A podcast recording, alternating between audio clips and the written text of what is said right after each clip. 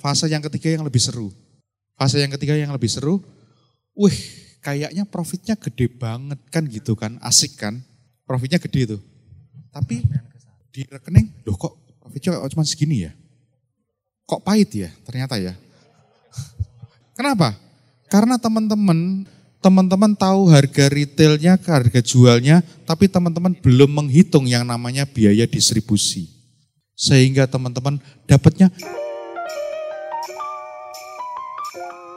masuk ke profiting. Jadi di dalam profiting itu kita membagi ada tiga fase sebetulnya.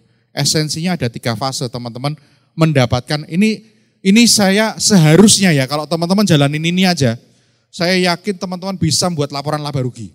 Dengan versinya sendiri ya. Wes paling gampang gitu. Karena syaratnya teman-teman, kalau saya mensyaratkan laporan keuangan itu kan ada tiga yang yang utama ya. Laba rugi, neraca, arus kas. Kalau teman-teman jalanin gak punya laporan yang lainnya, laba rugi aja yang penting. Yang pertama buat saya. Baru yang kedua teman-teman punya laporan arus kas. Yang ketiga baru teman-teman punya neraca. Ini urutan hierarki. Cuman saya ngajarin tetap saya akan bermain di apa?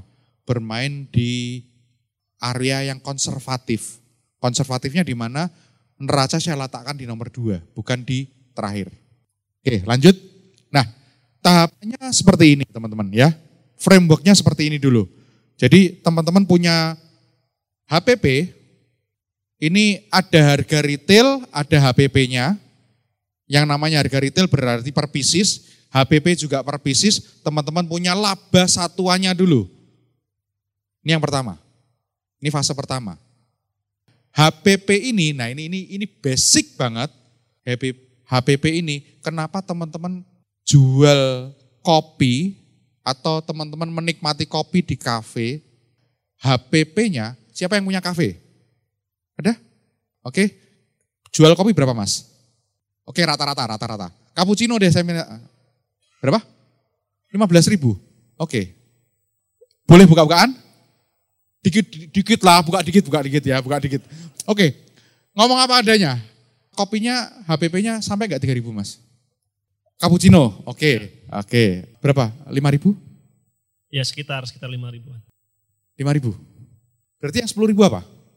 Yang 10 ribu adalah value editnya. Zan, Gazan. Pisangnya harga berapa? Eh ada Ustaz Jaki, mohon maaf jangan, jangan, jangan.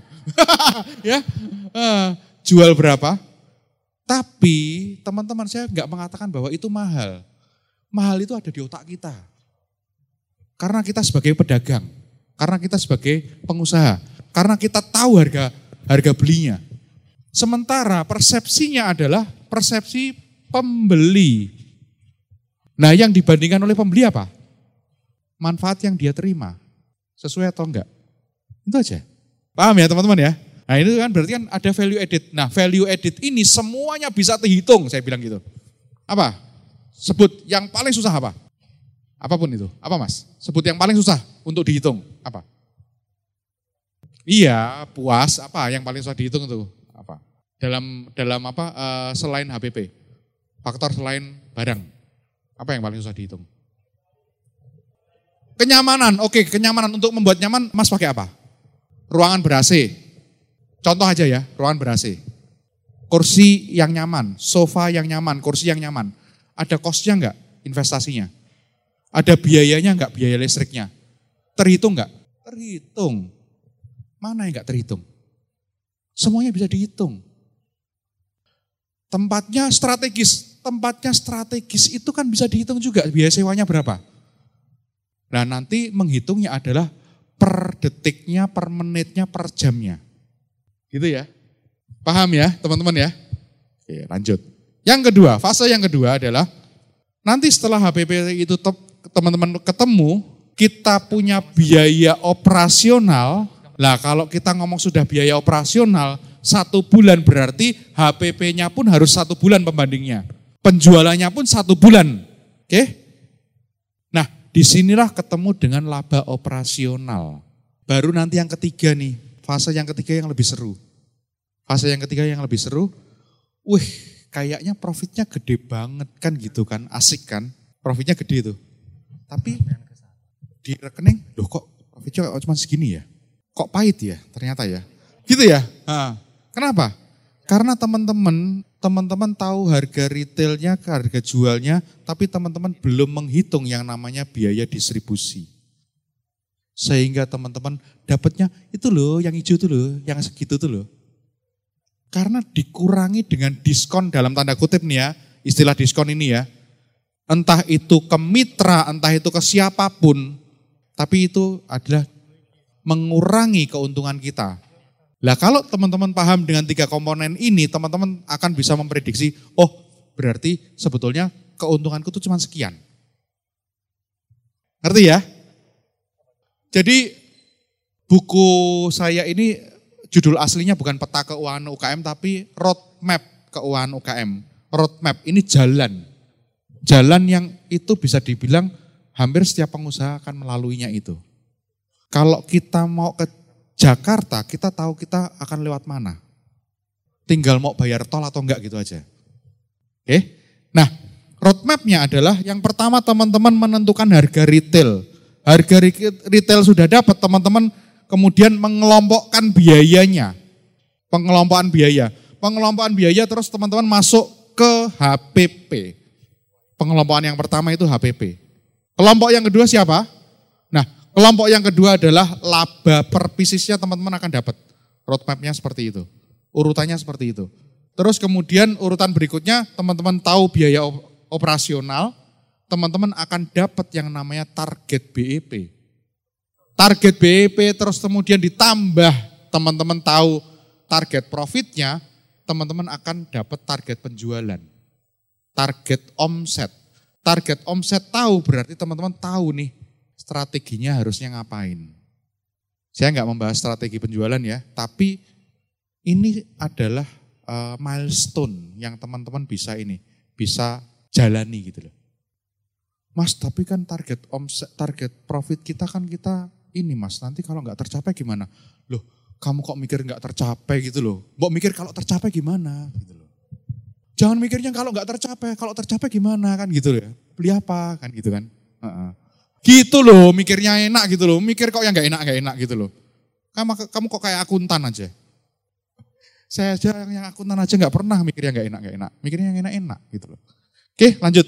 Nah harga retail, dalam penentuan harga retail, price is what you pay, value is what you get, kan gitu kan. Sebetulnya pada saat orang membeli sesuatu, dia sedang membayar apa? Apa? Teman-teman beli sesuatu, bayangkan teman-teman membeli sesuatu teman-teman sedang membayar apa sebetulnya? Hmm? Apa? Angkat tangan aja, apa? Quality. Wah ini orang yang nggak loyal terhadap harga. Nggak loyal, eh nggak nggak loyal terhadap ini apa? Terhadap terhadap brand. Apa? Apa? Benefit. Oke, ya. Hampir benar. Jadi pada saat sebetulnya pada saat kita ngomong yang paling dasar adalah pada saat kita membeli sesuatu, sebetulnya di situ kita sedang membayar harapan harapan kita sendiri. Masalahnya itu tercapai atau enggak? Itu yang membuat, yang membedakan orang itu puas atau enggak. Pada saat itu tercapai, berarti dia puas. Kalau dia puas, dia akan kembali. Kalau harapannya tidak tercapai, dia enggak akan kembali. Simple? Itu ya teman-teman ya. Nah, ini terbagi jadi dua tadi yang disebutkan barang atau jasa itu yang terkait dengan kualitas dan fungsi manfaatnya. Yang kedua adalah yang areanya value added. Pelayanan, ketersediaan, jarak, waktu, dan sebagainya. Gitu ya, teman-teman ya. Simple ya. Paham? Paham ya? Yang teriak dong, paham? Oke, lanjut. Nah, ini yang saya bilang bahwa harga tidak berhubungan dengan biaya. Iya enggak? Ada enggak hubungannya dengan biaya? Ada tapi nanti, orang mikirnya panjang. Tadi, kalau kita mau ngitung biaya kenyamanan, oh di sana di kafe itu duduknya di sofa, di pangku lagi. Loh, gitu. Yang mangku sofanya jangan mikirin jelok, jorok-jorok toh ya. Yang mangku sofanya gitu ya. Nah ini ini ini kan ayolah kita mikir jadi Ini yang menentukan target marketnya gitu loh. Jadi sesuatu sesuatu mahal atau murah itu sebetulnya ukurannya apa sih? Gimana teman-teman mengukur mahal atau murah? Hah? Angkat tangan. Apa? Kompetitor? Enggak. Apa? Oh pembanding. Membandingkan. Oke. Enggak.